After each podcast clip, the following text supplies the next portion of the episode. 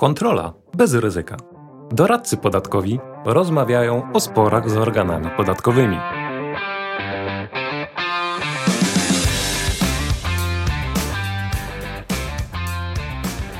Dzień dobry Państwu, Wojciech Liś, doradca podatkowy.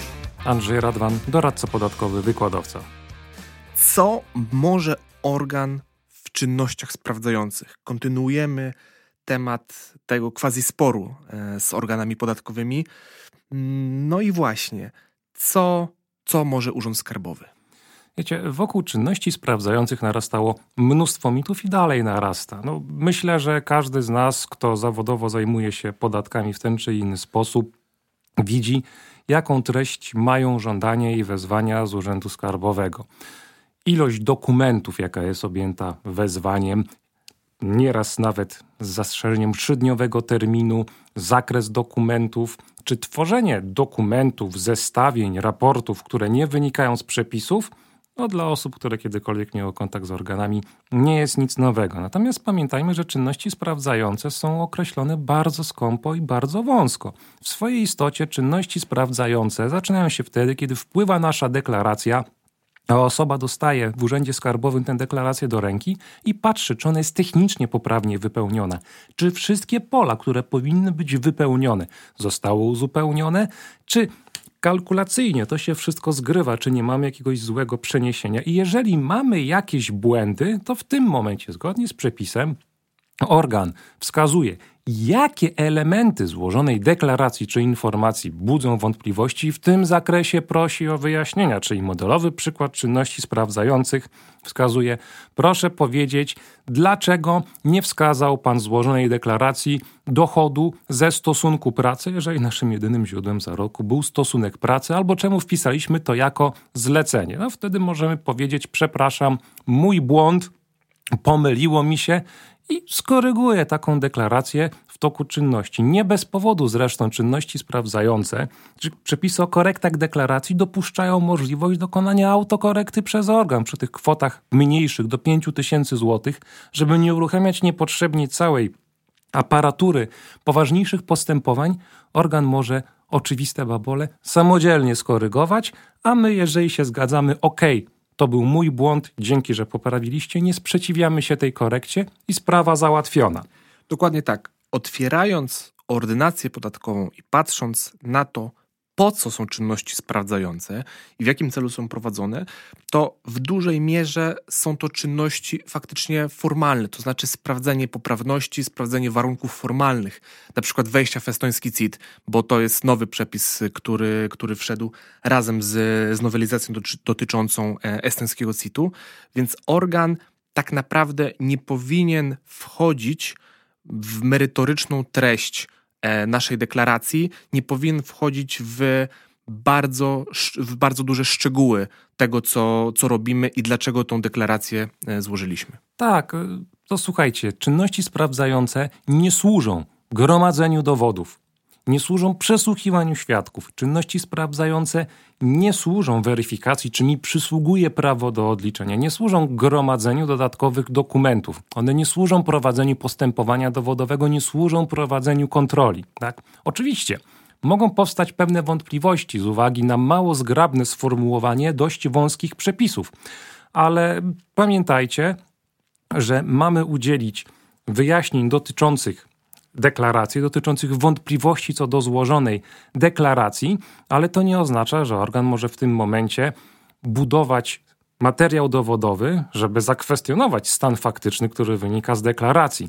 Nie może organ weryfikować, czy nasze wydatki mają związek z prowadzoną działalnością, czy ujawnione koszty uzyskania przychodów dotyczą wydatków, które służyły zachowaniu albo zabezpieczeniu źródła przychodu. Więc yy, tak naprawdę organ nie może wiele, natomiast y, tak jak wiemy, często, gęsto bywa tak, że urzędy skarbowe traktują czynności sprawdzające tak jak kontrolę podatkową. Żądają dokumentów, których nie powinny żądać, żądają wyjaśnień, których żądać y, nie powinny, tak? Powołując się często, i to jest sytuacja, z którą spotykałem się wielokrotnie, że organ podatkowy ma uprawnienie do ustalania stanu faktycznego, tak, w związku z przedstawionymi dokumentami i dlatego może żądać wszystkiego, czego chce, zgodnie z, z ich interpretacją prawa. Natomiast yy, tak nie jest. Artykuł 155, który jest powoływany jako podstawa prawna żądania e, w czynnościach sprawdzających ordynacji podatkowej, nie jest normą, która ustala organie, możesz pytać o wszystko, możesz żądać dokumentów. Jest to ogólna norma kompetencyjna, która wskazuje tak, zgodnie z ordynacją podatkową organ ma prawo żądać wyjaśnień, e, dokumentów, ale to nie oznacza, że samoistnie organ może wszystko. Ta norma jest doprecyzowana poprzez przepisy dotyczące czynności sprawdzających, kontroli, postępowania. I w tym układzie wiemy, że musimy mieć konkretny, szczegółowy przepis, który będzie uprawniał organ na przykład do żądania przedstawienia faktur w przypadku tzw. Tak czynności krzyżowych. Czyli jeżeli jest prowadzona kontrola u naszego kontrahenta, to w tym momencie mamy przepis, który wyraźnie wskazuje, że u nas w związku z tą kontrolą my jako kontrahent możemy zostać w toku czynności sprawdzających poproszeni o przedstawienie dokumentów i udzielenie wyjaśnień, uwaga, w zakresie objętym kontrolą. I jaki jest częsty babol ze strony organów? Organy wykorzystują to w toku prowadzenia czynności sprawdzających, czyli prowadzą sobie tak zwane krzyżowe czynności sprawdzające. U naszego kontrahenta prowadzone są czynności sprawdzające, a my dostajemy wezwanie w toku czynności sprawdzających do przesłania dokumentów i udzielenia informacji dotyczących transakcji objętych czynnościami sprawdzającymi. W tym momencie, Wojciech, muszę odpowiedzieć na takie wezwanie?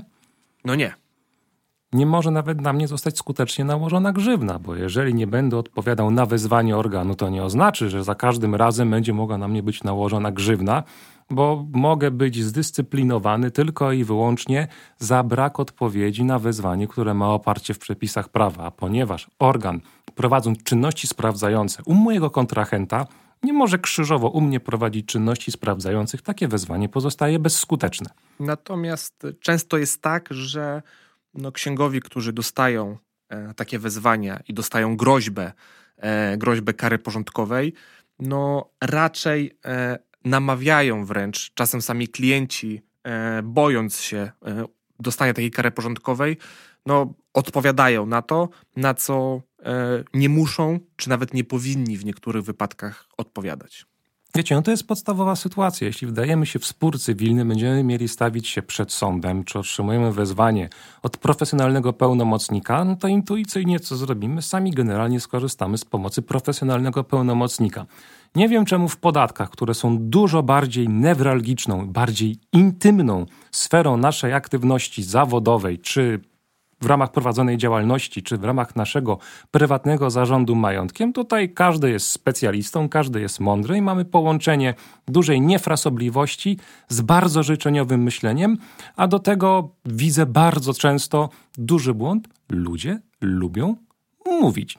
Nie wiem czemu zdecydowana większość ludzi wykazuje jakieś podświadomie potrzeby zaspokojenia ciekawości tej osoby kierującej żądaniem. No, kiedyś spotkałem się, oglądając wykład pewnego amerykańskiego profesora, specjalisty w zakresie prawa karnego. Problemem jest to, że ludzie często nie znoszą ciszy i lubią mówić, starają się podświadomie zadowolić swojego rozmówcę.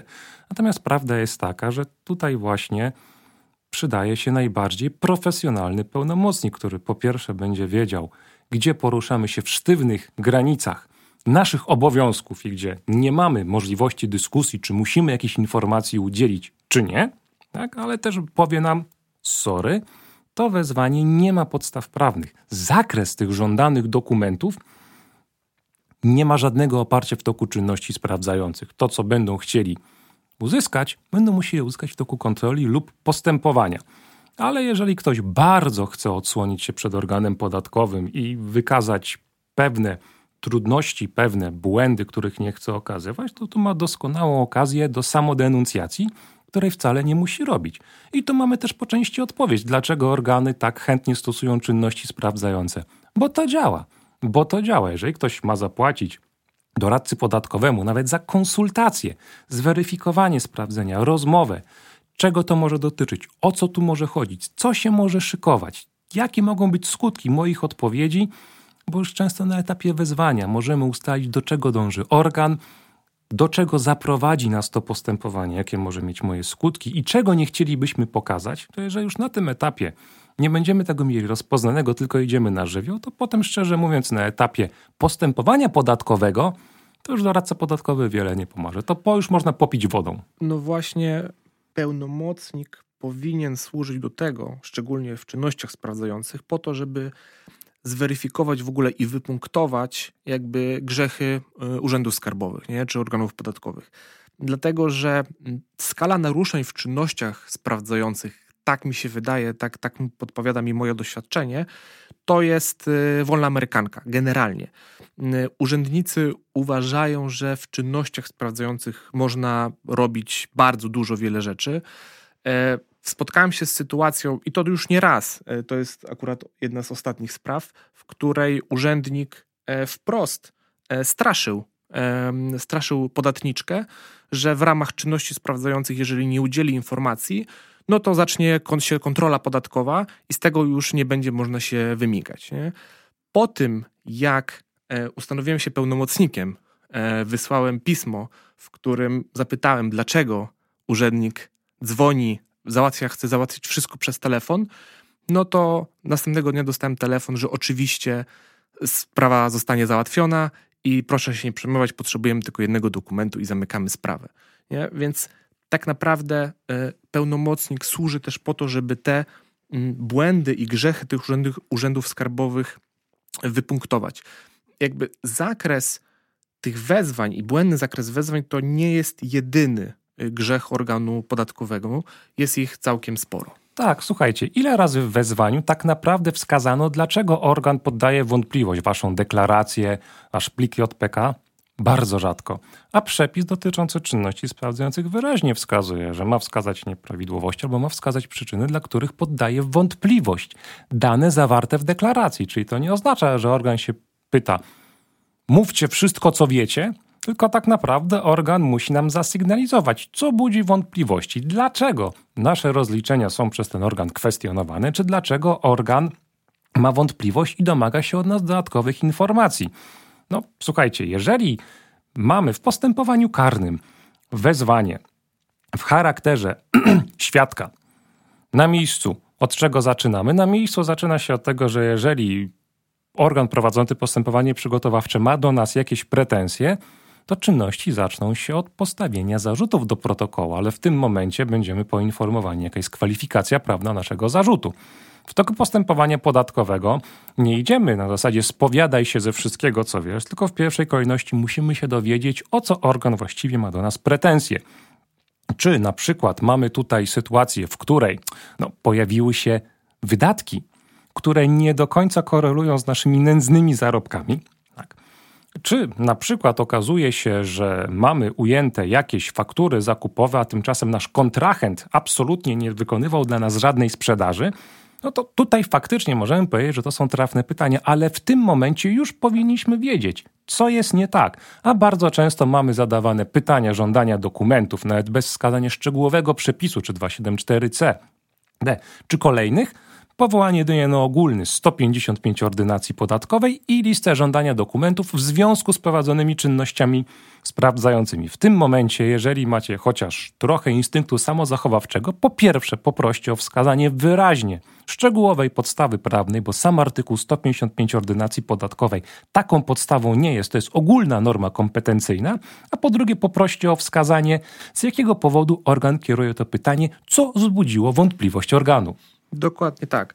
No, kolejnym grzechem e, organów podatkowych jest to, że w ramach czynności sprawdzających wszystko chcą załatwiać na telefon, wszystkie wezwania chcą załatwiać na telefon, wszystkie e, żądania dotyczące dokumentów, wyjaśnień chcą załatwiać przez telefon, natomiast kontakt telefoniczny jest wyjątkiem od reguły pisemności, czyli większość rzeczy, większość kontaktu z organem podatkowym powinniśmy prowadzić w formie pisemnej.